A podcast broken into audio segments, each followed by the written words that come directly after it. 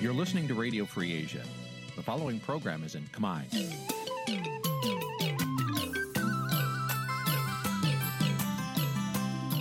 នេះជាកម្មវិធីផ្សាយ Vuthu Azizi Serai នេះជាកម្មវិធីផ្សាយរបស់ Vuthu Azizi Serai ជាភាសាខ្មែរ Vuthu Azizi Serai សូមស្វាគមន៍លោកអ្នកនាងទាំងអស់ពីរដ្ឋធានី Washington នៃសហរដ្ឋអាមេរិក ចាប់ផ្សាយផ្ទាល់ពីរដ្ឋធានី Washington នាងខ្ញុំសុជីវីសូមជម្រាបសួរលោកអ្នកនាងកញ្ញាដែលកំពុងតាមដានការផ្សាយរបស់ Vuthu Azizi Serai ទាំងអស់ជាទីមេត្រីយើងខ្ញុំសូមជូនកម្មវិធីផ្សាយសម្រាប់យប់ថ្ងៃអាទិត្យចាប់8រោចខែផុតត្របុត្រឆ្នាំខាលចត្វាស័កពុទ្ធសករាជ2566ចាប់ត្រូវនៅថ្ងៃទី18ខែកញ្ញាគ្រិស្តសករាជ2022ជាដំបូងនេះសូមអញ្ជើញលោកអ្នកនាងស្ដាប់ព័ត៌មានប្រចាំថ្ងៃដែលមានមេត្តាដូចតទៅ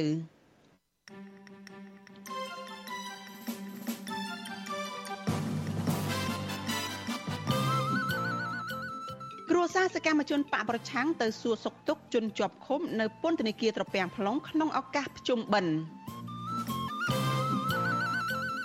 អញ្ញាធរចាប់ផ្ដើមបង្ក្រាបលបែងស៊ីសងខុសច្បាប់ក្រោយមានបញ្ជាពីលោកហ៊ុនសែនព្រះសង្ឃការពារព្រៃសង់រុក្ខវ័នខ្វះចង្ហាន់ព្រោះមិនមានពុទ្ធបរិស័ទទៅធ្វើបុណ្យ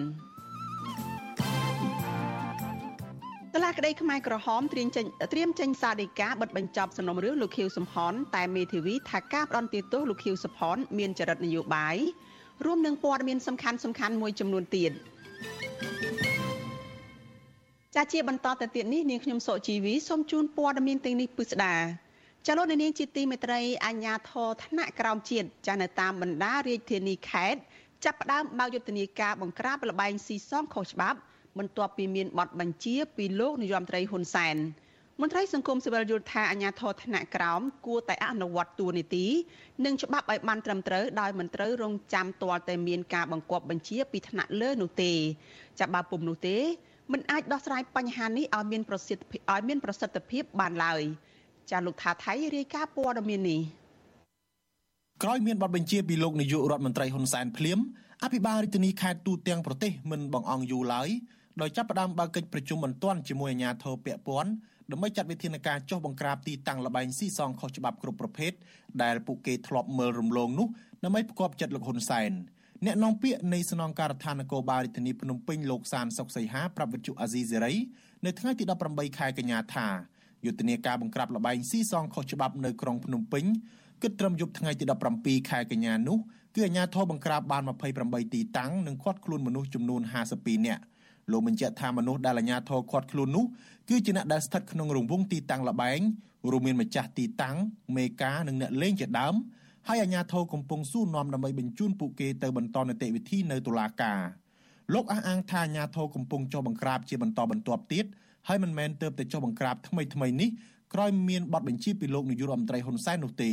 ចំពោះរាជធានីភ្នំពេញយើងមិនមែនថាមិនបានអនុវត្តទេដោយបងឃើញស្រាប់ហើយគឺការអនុវត្តគឺយើងមានជាប្រចាំអញ្ចឹងជាបន្តបន្តតែយើងគ្រាន់ថាកន្លែងមួយចំនួនមានន័យថាជាការលួចលាក់មានន័យថានៅយើងទទួលព័ត៌មានភ្លាមនៅពេលយើងឆ្មក់ចុះទៅវាអត់មានការលែងមានអីអីទេអញ្ចឹងណាអញ្ចឹងមានន័យថាដល់យើងរៀបកម្លាំងឲ្យច្បាស់ច្បាស់លាស់ក្នុងការអនុវត្តចឹងយើងទៅទទួលបានលទ្ធផលដូចយើងអនុវត្តសមអញ្ចឹងមានន័យថាពីមុនមុនមកយើងបង្ក្រាបបានបន្តបន្តដូចគ្នាអញ្ចឹងណាតែលើកនេះយើងដាក់យុទ្ធនាការធំហ្នឹងមានន័យយើងអាចមានលទ្ធផលផងបានច្រើនបាទក្រៅពីនៅរាជធានីភ្នំពេញអាជ្ញាធរខេត្តផ្សេងផ្សេងក៏ចុះបង្ក្រាបលបែងស៊ីសងខុសច្បាប់ដែរនៅឯខេត្តរតនគិរីរយៈពេល2ថ្ងៃអាជ្ញាធរបានចុះបង្ក្រាបលបែងស៊ីសងឆ្នោតលូតូអេឡិចត្រូនិកជលមន់ភ្នាល់បាល់អនឡាញចំនួន9ទីតាំងព្រមទាំងធ្វើកិច្ចសន្យាអប់រំម្ចាស់ផ្ទះនិងម្ចាស់អាជីវកម្មឲ្យបញ្ឈប់លបែងបែបនេះទៀតការចុះប្រតិបត្តិការបង្ក្រាបលបែងស៊ីសងខុសច្បាប់គក្រឹកគក្រែងនេះធ្វើឡើងក្រោយពីលោកនាយករដ្ឋមន្ត្រីហ៊ុនសែន បានគម្រាមដកតំណែងអភិបាលខេត្តក្រុងស្រុកខណ្ឌនិងថ្នាក់ដឹកនាំមានសមត្ថកិច្ចចេញពីតំណែងប្រសិនបើរកឃើញថាពួកគេមិនទទួលខុសត្រូវលើទូនាទីលុបបំបាត់លបែងស៊ីសងខុសច្បាប់ឲ្យអស់ពីដែនសមត្ថកិច្ចរបស់ខ្លួន កន្លែងលេងលបែងមួយចំនួន មិនមែនមន្ត្រីមូលដ្ឋាន មិនដឹងនោះទេ ទាំងកម្លាំងនគរបាលឬអាវុធហត្ថឬមន្ត្រីរដ្ឋបាលរបស់យើងក៏ប៉ុន្តែបញ្ហាស្ថិតនៅត្រង់ថាអស់លោកមានឆន្ទៈធ្វើឬមិនធ្វើឬក៏កន្លែងនោះ ជាទីកន្លែងនៃការរកប្រាក់របស់អស់លោកប្រជាពលរដ្ឋនិងសង្គមស៊ីវិលបានរិះគន់នឹងត្អូញត្អែជាយូរមកហើយចំពោះបញ្ហាលបែងស៊ីសងជាច្រើនប្រភេទ ដូចជាលបែងជលមន់ភ្នាល់បាល់តាមអនឡាញលូតូឆ្នោតនិងបៀដែលរីកសាយភាយនៅទូទាំងប្រទេសអាញាធរថ្នាក់ក្រោមខ្លះឆ្លើយការពីថាមិនមានលបែងស៊ីសងខុសច្បាប់ក្នុងដែនសមត្ថកិច្ចរបស់ខ្លួននោះទេហើយអាញាធរខ្លះឆ្លើយតបថាពួកគាត់ក៏មិនគាំទ្រមានលបែងស៊ីសងនេះដែរប៉ុន្តែមិនហ៊ានចុះបង្ក្រាបព្រោះអាញាធរថ្នាក់លើជាអ្នកចេញអាជ្ញាប័ណ្ណដល់ម្ចាស់អាជីវកម្មលបែងប្រធានមជ្ឈមណ្ឌលប្រជាពលរដ្ឋដើម្បីអភិវឌ្ឍនិងសន្តិភាពលោកយ៉ងកំឯង ថ្លែងថាមូលហេតុដែលអាជ្ញាធរថ្នាក់ក្រោមអនុវត្តទូនាទីទាល់តែមានបញ្ជាពីថ្នាក់លើនោះអាចដោយសារជាទម្លាប់ផងខ្វះការគ្រប់គ្រងពីថ្នាក់លើផងអំពើពុករលួយផងខ្លះទៀតខ្លាចប៉ះពាល់ទូនាទីដោយសារទីតាំងលបែងស៊ីសងទាំងនោះមានអ្នកធំកាងពីក្រោយលោកយល់ថារដ្ឋាភិបាលគួរតែកែតម្រង់ធ្វើយ៉ាងណាឲ្យអាជ្ញាធរថ្នាក់ក្រោមបំពេញទូនាទីរបស់ខ្លួនឲ្យបានត្រឹមត្រូវ តាមរយៈការលុបបំបាត់អំពើពុករលួយនិងលើកទឹកចិត្តដល់មន្ត្រីល្អហើយដាក់ទោសទណ្ឌលើមន្ត្រីប្រព្រឹត្តខុសជាដើមមន្ត្រីសង្គមស៊ីវិលរូបនេះយល់ថាប្រសិនបើមន្ត្រីថ្នាក់ក្រោមរងចាំតែបទបញ្ជាបែបនេះការដោះស្រាយបញ្ហាលបែងស៊ីសងនេះគ្មានប្រសិទ្ធភាពឡើយនិងប្រៀបដូចជាការវេកចោលដូច្នោះដែរ។ អាជ្ញាធរត្រូវតែដឹងច្បាប់ហើយអនុវត្តច្បាប់តែសិនគាត់រងចាំតែវិជាហ្នឹងហ្នឹងងប់ហើយបាទអញ្ចឹងការដោះស្រាយបញ្ហាគ្រប់បែបយ៉ាងនោះសហគមន៍ដោះស្រាយមិនចេញបាទបើថាបញ្ហាខ្លះលឺដល់ថ្នាក់លើទៅថ្នាក់លើវិជាទៅហ្នឹងអាចដោះស្រាយអីបានធូរប្រាសាប៉ុន្តែកន្លែងខ្លះអត់វិជាទៅគាត់អត់ធ្វើអានោះមិនកើតបាទនេះខ្ញុំថារឿងសំខាន់ក៏ត្រូវដឹងច្បាប់គាត់ អនុវត្តច្បាប់ហើយធ្វើឲ្យមានប្រសិទ្ធភាពនៅក្នុងដែនដីដែលគាត់គ្រប់គ្រងបាទហ្នឹងខ្ញុំថារឿងដែលដែលល្អដែលចាំបាច់បើសិនតែគាត់រងចាំតែវិជាអញ្ចឹងហ្នឹងតែជាងបរួមរដ្ឋបាលកុំឲ្យធំពេកពលមន្ត្រីនៅថ្នាក់ក្រោមហ្នឹងក៏ច្រើនដែរបាទនេះមិនមែនជាលើកទី1ទេដែលអាជ្ញាធរចាំតែអនុវត្តបទបញ្ជារបស់លោកហ៊ុនសែនទាំងដែលពួកគេបានឃើញបទល្មើសហើយក៏ដោយ នាយកប្រតិបត្តិនៃអង្គការសម្ព័ន្ធគណនេយ្យភាពសង្គមកម្ពុជាលោកសនជ័យសង្កេតឃើញថាការរីកសាយពីលបែងស៊ីសងជាច្រើនប្រភេទទូទាំងប្រទេសនេះគឺគ្រប់គ្រាន់ដែលអាចធ្វើឲ្យពលរដ្ឋខ្មែររងគ្រោះវិនិច្ឆ័យហោចទ្រព្យសម្បត្តិឆ្លោះទាស់ទែងក្នុងគ្រួសារនិងបង្កបញ្ហាអសន្តិសុខសង្គមលោកថាលបែងទាំងស្របច្បាប់និងខុសច្បាប់មានផលប៉ះពាល់ដល់សង្គមដូចគ្នា ដូច្នេះរដ្ឋាភិបាលមិនគួរអនុញ្ញាតឲ្យមាននៅក្រៅកាស៊ីណូឡើយដើម្បីទុកឲ្យប្រជាពលរដ្ឋមានឱកាសរៀនសូត្រអភិវឌ្ឍសមត្ថភាពនិងធ្វើកិច្ចការងារសម្រាប់ប្រយោជន៍ក្រុមគ្រួសារនិងសង្គមជាតិ យើងឃើញទៅពេលខ្លះទៅអាញាធរអ្នកខ្លះមានការចេះដឹងនេះឃើញលេងក្នុងនោះឃើញមានសិស្សសាលាមានដែរអញ្ចឹងធ្វើឲ្យយើងយល់ថាដោយសារវាមានលក្ខណៈស្របច្បាប់និងខុសច្បាប់អញ្ចឹងហើយដែលធ្វើឲ្យពេលខ្លះការបង្ក្រាបពិបាកហើយម្យ៉ាងទៀតបើសិនជាឥឡូវនេះចាប់ដើមបង្ក្រាបលបែងខុសច្បាប់ជួនកាលអ្នកដែលញៀនលបែងហើយគេងាកពីភ្លេងលបែងខុសច្បាប់មកមកស្របច្បាប់វិញប៉ុន្តែគ្រាន់ថាវាអត់មានអីប្លែកទេវាគ្រាន់តែរឿងស្របច្បាប់និងខុសច្បាប់តែប៉ុណ្ណឹងប៉ុន្តែដើម្បីឲ្យប្លែកឲ្យល្អហ្នឹងគឺក្រៅកាស៊ីណូមិនចាំបាច់មានលបែងចឹងស្របច្បាប់និងខុសច្បាប់ហ្នឹងហើយបើគេចង់លេងរុញទៅចូលក្នុងកាស៊ីណូទៅហើយកំណត់ទៅថាអ្នកដែលអាចលេងលបែងហ្នឹងបានគឺតែជនបរទេសដោយវិធានការកន្លងមកអញ្ចឹងណាបាទនឹងចូលទៅកាស៊ីណូទៅស្រួលត្រួតពិនិត្យកុំឲ្យនៅរាយបាយដោយបាយលក់រាយគ្រប់ច្រកហោអញ្ចឹងណាជុំវិញរឿងនេះវិទ្យុអាស៊ីសេរីមិនអាចសុំការឆ្លើយតបពីអគ្គលេខាធិការនៃគណៈកម្មការគ្រប់គ្រងលបែងពាណិជ្ជកម្មកម្ពុជានៃក្រសួងសេដ្ឋកិច្ចនិងហិរញ្ញវត្ថុលោករស់ភិរុនបានឡើយដោយទូរស័ព្ទចូលពុំមានអ្នកទទួលក៏ប៉ុន្តែលោកធ្លាប់លើកឡើងថា នៅក្នុងឆ្នាំ2022នេះគណៈកម្មការគ្រប់គ្រងលបែងពាណិជ្ជកម្មបានផ្ដល់អាជ្ញាប័ណ្ណជាង10ទៅឲ្យក្រុមហ៊ុនដែលរកស៊ីលើអាជីវកម្មឆ្នោតនិងលូតូ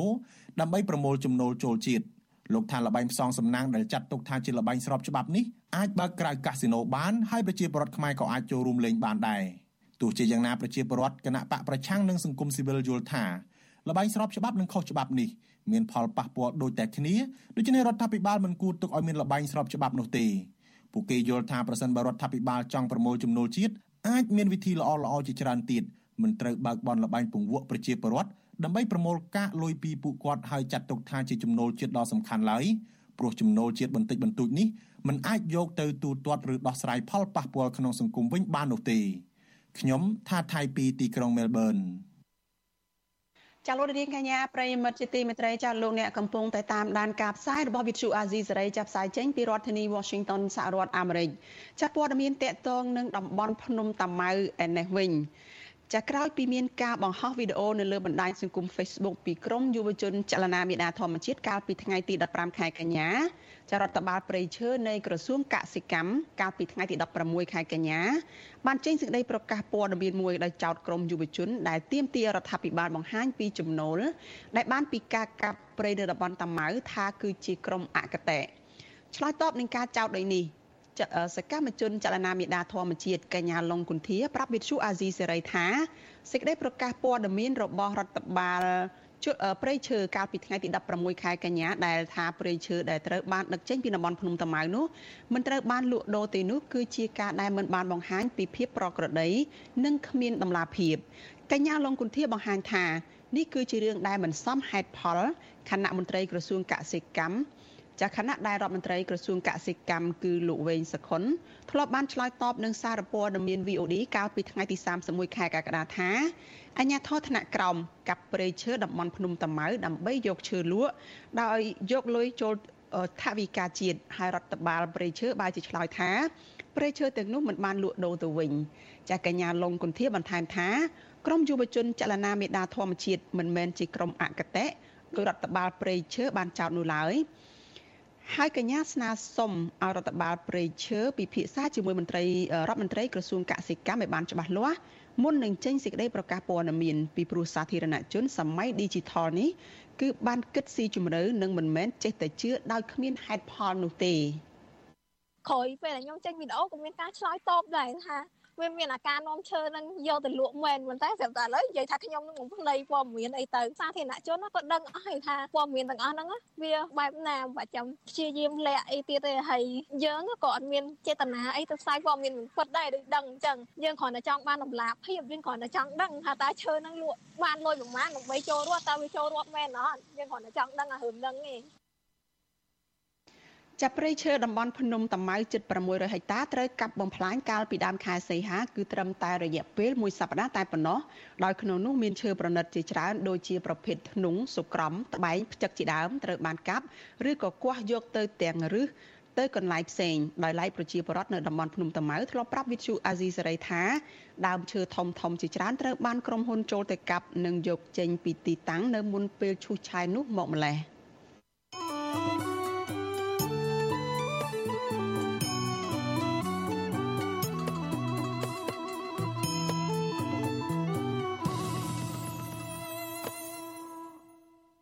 ចាលោកនាងកញ្ញាប្រិយមិត្តជាទីមេត្រីចាងាកមកព័ត៌មានតកតងនឹងសាលាក្តីខ្មែរក្រហមវិញ ចាសហមេធាវីជាតិការពារក្តីឲ្យអតីតប្រមុខរដ្ឋនៃរបបកម្ពុជាប្រជាធិបតេយ្យឬរបបខ្មែរក្រហមចាត់ទុកសេចក្តីសម្រេចផ្ដន្ទាទោសលោកខៀវសំផនអស់មួយជីវិតរបស់សាលាដំបងនិងតុលាការកំពូលនៃសាលាក្តីខ្មែរក្រហមកន្លងមកនេះថាជារឿងអយុត្តិធម៌ការលើកឡើងនេះធ្វើឡើងស្របពេលដែលតុលាការកំពូលនៃសាលាក្តីខ្មែរក្រហមចាត់ត្រៀមនឹងចេញសាលដីកា លើបណ្ដឹងទាស់របស់លោកខៀវសំផននៅក្នុងសំណុំរឿង002វគ្គ2ស្ដីពីអក្រិតកម្មប្រឆាំងមនុស្សជាតិអក្រិតកម្មសង្គ្រាម និងអំពើប្រល័យពូជសាសន៍នៅថ្ងៃប្រហ័សខាងមុខនេះ។ ចាំមេធាវីលោកខៀវសំផនគឺលោកគង់សំអនថាការផ្ដន់ទាទោសកូនក្តីរបស់លោកនេះមានចរិតនយោបាយច្រើនជាងទស្សនវិជ្ជាច្បាប់ដោយសារតែតុលាការចង់រូតរះបញ្ចប់ក្តីនេះមុនពេលលោកខៀវសំផនមានវ័យជរាឬក៏បាត់បង់ជីវិតចាលោកនាងនឹងបានស្ដាប់បទសម្ភាសន៍អំពីរឿងនេះនៅក្នុងការផ្សាយរបស់យើងនៅពេលបន្តិចទៀតនេះ ចាលោកនាងកញ្ញាប្រិយមិត្តជាទីមេត្រីចានៅក្នុងឱកាសនេះដែរចានាងខ្ញុំសូមថ្លែងអំណរគុណដល់លោកអ្នកនាងដែលតែងតែមានភក្ដីភាពចំពោះការផ្សាយរបស់យើងហើយលោកអ្នកនាងតែងតែចាត់ទុកការស្ដាប់វិទ្យុអាស៊ីសេរីនេះគឺជាផ្នែកមួយនៃសកម្មភាពប្រចាំថ្ងៃរបស់លោកអ្នកនាងចាការគ្រប់គ្រងរបស់លោកអ្នកនាងនេះហើយដែលធ្វើឲ្យយើងខ្ញុំកាន់តែមានទឹកចិត្តខ្លាំងថែមទៀតក្នុងការស្វែងរកព័ត៌មាននិងផ្តល់ព័ត៌មានពិតជូនលោកអ្នកនាងចាំមានអ្នកស្ដាប់ មានអ្នកទស្សនាកាន់តែច្រើនចកាន់តែធ្វើឲ្យយើងខ្ញុំមានភាពស្វាហាប់និងមោះមុតជាបន្តទៅទៀតចាយើងខ្ញុំសូមអរគុណទុកជាមុនហើយសូមអញ្ជើញលោកអ្នកនាងកញ្ញាចូលរួមជំរុញឲ្យសកម្មភាពផ្តល់ព័ត៌មានរបស់យើងនេះកាន់តែជោគជ័យបន្ថែមទៀតចាលោកនាងអាចជួយយើងខ្ញុំបានដោយគ្រាន់តែចុចចែករំលែកចាឬក៏ share ការផ្សាយរបស់ Vithu Azizi សេរីចានៅលើបណ្ដាញសង្គម Facebook និង YouTube ទៅកាន់មិត្តភ័ក្តិរបស់លោកអ្នកនាងចាដើម្បីឲ្យការផ្សាយរបស់យើងនេះបានទៅដល់មនុស្សកាន់តែច្រើនចាសូមអរគុណ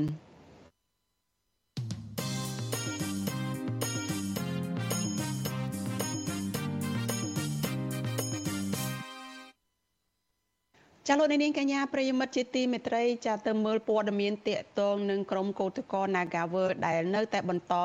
ការតវ៉ារ៉ាំរ៉ៃរបស់ពួកគេឯនេះវិញចាក្រុមកោតក្រ Nagawer ជិត100នាក់នៅរសៀលថ្ងៃទី18ខែកញ្ញា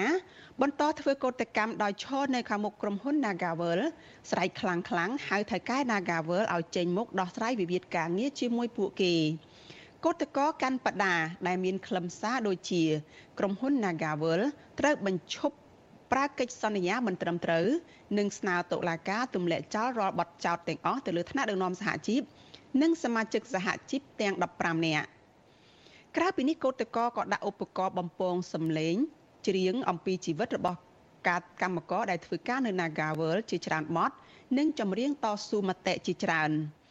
ក្រុមកោតកោមួយចំនួនបានលើកបដារូបថតវាយស្គរផងផ្លុំត្រែផង និងយកឆ្នាំងខ្ទះឆាត្រីបន្លែសាច់ សម្រាប់ធ្វើអាហារថ្ងៃត្រង់នៅខាងមុខក្រុមហ៊ុន Nagavel និងត្រៀមភួយតង់ដើម្បីដេកតវ៉ានៅខាងមុខក្រុមហ៊ុន Nagavel ទី2នោះចាកុតតកបញ្ជាក់ថាក្រុមសន្តិសុខរបស់ក្រុមហ៊ុន Nagavel រាប់រយនាក់បានពាក់ឯកសន្តាននៅខាងមុខក្រុមហ៊ុន Nagavel 2ចាចំណែកឯអាជ្ញាធរចម្រុះបានដាក់កម្លាំងបង្កប់នៅក្បែរហាងកាហ្វេហាងបាយនៅក្បែរក្បែរក្រុមហ៊ុន Nagavel នោះដែរចាកុតតកម្នាក់គឺកញ្ញាម៉ែនសុធីវឌ្ឍនា ប្រាប់វិទ្យុអាស៊ីសេរីចាប់ប្រាប់វិទ្យុអាស៊ីសេរីនៅថ្ងៃទី18ខែកញ្ញាថាអញ្ញាធរពាក់ព័ន្ធនឹងក្រុមហ៊ុន Nagavel នៅតែគ្មានដំណោះស្រាយសម្រាប់ពួកគេដដែលកញ្ញាបន្តថាអញ្ញាធរអសមត្ថភាពនិងគ្មានឆន្ទៈដោះស្រាយបញ្ហានេះដែលធ្វើឲ្យវិវាទនេះអូសបន្លាយជិត10ខែមកហើយប៉ុន្តែនៅតែមិនអាចបញ្ចប់វិវាទការងារមួយនេះបាន។ ចំពោះខ្ញុំខ្ញុំមើលឃើញថាក្រសួងពាក់ព័ន្ធជាក្រសួងការងារគឺគាត់អសមត្ថភាពយ៉ាងខ្លាំងហ្មងនៅក្នុងការដោះស្រាយព្រោះជាក់ស្ដែងការពីថ្ងៃ11ដែលយើងបានយកអ្នកទៅដាក់នៅក្រសួងការងារហ្នឹងនិងទីស្តីការគណៈរដ្ឋមន្ត្រីហ្នឹងខាងលោកពូមានច័ន្ទយតាគាត់បាននិយាយថានឹងយករឿងហ្នឹងទៅដោះស្រាយហើយយកគោលការណ៍នៃច្បាប់ការងារជាគោលនៅក្នុងការដោះស្រាយហ្នឹងប៉ុន្តែបច្ចុប្បន្ននៅការថ្ងៃទី15ហ្នឹងគឺយើងអត់បានឃើញពួកគាត់ដោះស្រាយតាមច្បាប់នៃសភាការងារអញ្ចឹងមានន័យថាគាត់អត់មានសមត្ថភាពនៅក្នុងការដោះស្រាយទេ ចាកញ្ញាបន្តថាកោតតកនឹងបន្តការតវ៉ាជាបន្តបន្ទាប់ទៅមុខទៀតរហូតទាល់តែមានដំណោះស្រាយសមរម្យជូនពួកគេចាក់កន្លងមកអង្គការសង្គមស៊ីវិលនិងក្រុមអ្នកខ្លាំមើលកម្ពុជា តែងតែតាមដានការធ្វើកោតកម្មរបស់បុគ្គលិក Nagawal និងអំពាវនាវដល់រដ្ឋាភិបាលដោះស្រាយដោយឈរលើស្មារតីយោគយល់គ្នាចាស់សង្គមស៊ីវិលនិងក្រុមអ្នកខ្លាំមើលជំរុញឲ្យរដ្ឋាភិបាលនិងក្រសួងពាក់ព័ន្ធដោះស្រាយវិវាទការងារមួយនេះ ដើម្បីលើកកម្ពស់មុខមាត់កម្ពុជា នៅលើឆាកអន្តរជាតិចលនានាងកញ្ញាជាទីមេត្រីចាព័ត៌មានតកតងនឹងសាលាក្តីខ្មែរក្រហម ចាសហមេធាវីការពីក្តីឲ្យអតីតប្រមុខរដ្ឋនៃរបបកម្ពុជាប្រជាធិបតេយ្យឬរបបខ្មែរក្រហមចាត់ទុកសេចក្តីសម្រេចផ្ដន្ទាទោសលោកខៀវសំផនអស់មួយជីវិតរបស់សាលាដំបងនិងតុលាការកំពូលនៃសាលាក្តីខ្មែរក្រហមកន្លងមកនេះថាជារឿងអយុត្តិធម៌ ចាការលើកឡើងនេះធ្វើឡើងស្របពេលដែលតុលាការកំពូលនៃសាលាក្តីខ្មែរក្រហមត្រៀមនឹងចេញសារដីកាលើបណ្ដឹងទាស់របស់លោកខៀវសំផនក្នុងសំណុំរឿង002វគ្គ2ស្ដីពីអ ுக ្រិតកម្មប្រឆាំងមនុស្សជាតិអ ுக ្រិតកម្មសង្គ្រាម និងអំពើប្រល័យពូជសាសន៍នៅថ្ងៃប្រហ័សខាងមុខនេះមេធាវីលោកខៀវសំផន គឺលោកគង់សំអនចោទថាការផ្ដន់ទាទោសកូនក្តីរបស់លោកនេះមានចរិតនយោបាយច្រើនជាងទស្សនវិជ្ជាច្បាប់ ដោយសារតែតុលាការចង់រូតរះបញ្ចប់រឿងក្តីនេះនៅមុនពេលដែលលោកខៀវសំផនមានវ័យជរាឬស្លាប់បាត់បង់ជីវិតចាសសូមលោកអ្នកនាងស្ដាប់បទសម្ភាសន៍របស់លោកជីវិតាជាមួយនឹងលោកមេធាវីគង់សំអនអំពីរឿងនេះដូចតទៅខ្ញុំសូមជម្រាបសួរលោកមេធាវីគង់សំអនបាទបាទជម្រាបសួរបាទលោកជាមេធាវីការពារក្តីឲ្យលោកខៀវសំផនជាយូរឆ្នាំមកហើយនៅសាលាក្តីខ្មែរក្រហម ហើយនៅថ្ងៃទី22ខែកញ្ញា ឆ្នាំ2022ខាងមុខនេះតុលាការកំពូលនៃសាលាក្តីខ្មែរក្រហមនឹងនឹងចេញសាលដីកាចុងក្រោយឆ្លើយតបនឹងការបដិងឧទ្ធររបស់លោកខៀវសំផនតើលោករំពឹងថាសាលដីការបស់តុលាការកំពូលសាលាក្តីខ្មែរក្រហមនេះនឹងចេញយ៉ាងម៉េចដែរបាទ បាទសូមអរគុណការពិតទៅយើងដូចជាមានសង្ឃឹមអីច្រើនទេពីព្រោះតឡាការកំពូលនេះហាក់កំពុងតែប្រើនៅមធ្យោបាយឬក៏របៀបដូចសាលាដំបងជាដែរគឺចេញសេចក្តីសម្រេចបែបសង្ខេបលើកពីដំបងហើយបានចេញសេចក្តីសម្រេចបែបពិស្ដារជាក្រោយអនេះក៏ជាផ្នែកមួយនៃការជំទាស់របស់យើងនៅក្នុងសាលាដំបងកន្លងមកដែរតើវាមានបញ្ហាយ៉ាងម៉េច នៅពេលដែលតុលាការចេញសេចក្តីសម្រេចដំបូងចេញបែបសង្ខេបហើយក្រោយមកទើបចេញសេចក្តីសម្រេចជាលំអិតចំពោះលោកតើវាខុសអីអាហ្នឹងតាមផ្លូវច្បាប់គឺណាតុលាការចេញសេចក្តីសម្រេចរបស់ខ្លួនវាត្រូវតែអមជាមួយនឹងហេតុផលណាបែរថាហេតុផលទីដែលនាំឲ្យមានសេចក្តីសម្រេចតែអ្វីដែលតុលាការខ្មែរក្រមអនុវត្តកន្លងមកនេះ ចេញសេចក្តីសម្រេចហើយប៉ុន្តែហេតុផលដើម្បីគ្រប់គ្រងសេចក្តីសម្រេចនេះអត់ពិស្ដារទេអត់មានលម្អិតទេនៅរហូតដល់ពេលមួយទៀតពេលមួយទៀតប្រហែលរយៈពេលប្រមាណក្រោយពីចេញទី1ហ្នឹងដូចជាច្រើនខែដែរអញ្ចឹងអានេះវាអាចធ្វើឲ្យប៉ះពាល់ដល់សិទ្ធិរបស់លោកជាសម្ផនច្បាប់របស់យើងបានកំណត់ថាបើតឡាការមិនអាចទាន់មានសម្អាងហេតុគ្រប់គ្រាន់នៅពេលហ្នឹងទេគឺมันมันគួរទាន់ចេញសេចក្តីសម្រេចឬក៏សារិកាឬសារក្រមរបស់ខ្លួននៅពេលហ្នឹងទេ រហូតដល់ខ្លួនអាចបង្ហាញគ្រប់គ្រាន់អំពីអង្គហេតុនិងអង្គច្បាប់សម្រាប់គ្រប់គ្រងសេចក្តីសម្រេចរបស់ខ្លួនអាហ្នឹងចាំចេញសេចក្តីសម្រាប់យើងចេញសារក្រមនឹងតែម្ដងទៅចេញសារិកានឹងទៅតើអ្វីដែលលោកចង់បានវិញវាតាមលទ្ធភាពផ្លូវច្បាប់វាអាចមាននីតិវិធីសាររើមួយទៀតក៏ប៉ុន្តែវាគ្រាន់តែជាទ្រឹស្ដីវាការអនុវត្តវាអាចពិបាកបាទអញ្ចឹងយើងអ្វីដែលយើងចង់បានគឺថា នៅពេលដែលតឡាការចេញសេចក្តីសម្រេចគឺត្រូវតែមានអង្គហេតុអង្គច្បាប់សម្រាប់គ្រប់គ្រងសេចក្តីសម្រេចរបស់ខ្លួនมันអាចចេញបែបសង្ខេបចឹងទេតាមផ្លូវច្បាប់គឺថាការបង្ហាញខុសតាងត្រូវតែលើកពីវិមតិសង្ស័យណាក្នុងការកំណត់ដាក់ទោសជនជាប់ចោទក៏ប៉ុន្តែដល់ពេលចេញមកកណ្ដាលហើយទុកមកកណ្ដាលទៀតនៅពេលក្រោយអានឹងវាហាក់ដូចជាសេចក្តីសម្រេចហ្នឹងមិនមានផុសតាងលម្អិត សម្រាប់គ្រប់គ្រងសេចក្តីសម្រេចរបស់ខ្លួនឲ្យគ្រប់ជ្រុងជ្រោយទេគ្រាន់តែធ្វើជាលក្ខណៈនយោបាយគ្រាន់តែឲ្យមានថាអូសេចក្តីសម្រេចកាត់ទោសលោកជាសម្ផស្សអស់មួយជីវិតគឺមានហើយតែប៉ុណ្ណឹងគ្រាន់តែធ្វើមិនដើម្បីឲ្យកាត់ទោសឲ្យទាន់មុនលោកជាសម្ផស្សស្លាប់តែប៉ុណ្្នឹងហើយយើងឃើញថាលោកជាសម្ផស្សអាយុ90ជាងហើយបាទបាទតាំងពីដំបូងទីរហូតមកដល់ពេលនេះលោកខៀវសំផនបានប្រកែកទាំងអស់នៅការចោទប្រកាន់ទៅលើគាត់ មានការចោទប្រកាន់អំពីឧក្រិដ្ឋកម្មប្រឆាំងមនុស្សជាតិការបង្ខំឲ្យរៀបការអំពើបលាយពូជសាសន៍ការបង្ខំពលរដ្ឋឲ្យចេញពីទីក្រុងអីជាដើមចំណុចមួយដែលខ្ញុំចាប់អារម្មណ៍គឺលោកខៀវសំផនលើកឡើងថាលោកមិនមែនជាអ្នកច្បាប់ទេក៏ប៉ុន្តែមេធាវីរបស់លោកជាអ្នកច្បាប់ហើយមេធាវីរបស់លោកលើកឡើងថាការចោតប្រកាន់ទាំងឡាយហ្នឹងគឺមិនត្រឹមត្រូវទេ ហើយដូច្នេះលោក តវ៉ាផ្អែកទៅលើសេចក្តីសំអាងរបស់មេធាវីរបស់លោកថាអញ្ចឹងលោកមេធាវីសុខសំអនតើលោកអាចសង្ខេបបន្តិចបានទេថាមានចំណុចណាខ្លះទៀតក្រៅពីនីតិវិធីលើកឡើងបាញ់មិញដែលតឡាការចោតប្រកាន់ទៅលោកខៀវសំផននឹងមិនត្រឹមត្រូវបាទតាក់ទងទៅនឹងអង្គហេតុចោតប្រកាន់នេះយើងឃើញថាលោកខៀវសំផននៅឆ្ងាយពីការទទួលខុសត្រូវនៅក្នុងអង្គើទាំងឡាយដែលបានចោតនឹង ពីព្រោះលោកខៀវសំផនយើងឃើញគាត់គ្មានអំណាចនៅក្នុងសេចក្តីសម្រេចទេបែរថាគាត់មិនមែនជាបុគ្គលដែលចេញសេចក្តីសម្រេចទៅលើគោលនយោបាយណាមួយហើយក៏គាត់មិនបានចូលរួមក្នុងការធ្វើសេចក្តីសម្រេចនៅក្នុងគោលនយោបាយជាអ ுக ្រិតកម្មណាមួយដែរអញ្ចឹងការងារទទួលខុសត្រូវរបស់លោកខៀវសំផនហ្នឹងវាមិនមានលក្ខណៈបង្ហាញអំពីវិរុទ្ធភាពទេ